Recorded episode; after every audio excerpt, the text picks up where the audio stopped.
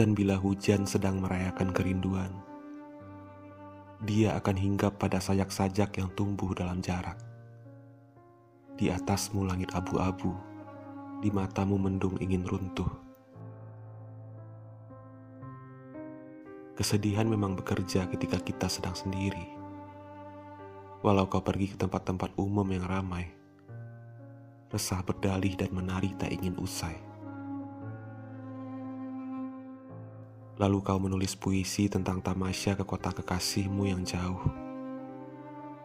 Kota di mana orang-orang tak lagi memikirkan hidup. Kota di mana tak ada rindu dan semacamnya. Kota yang tak ada di dunia.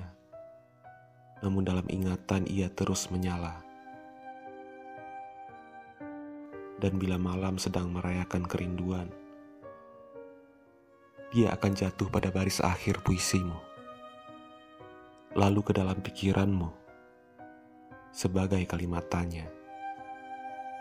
Adakah kau memikirkanku dengan kesedihan?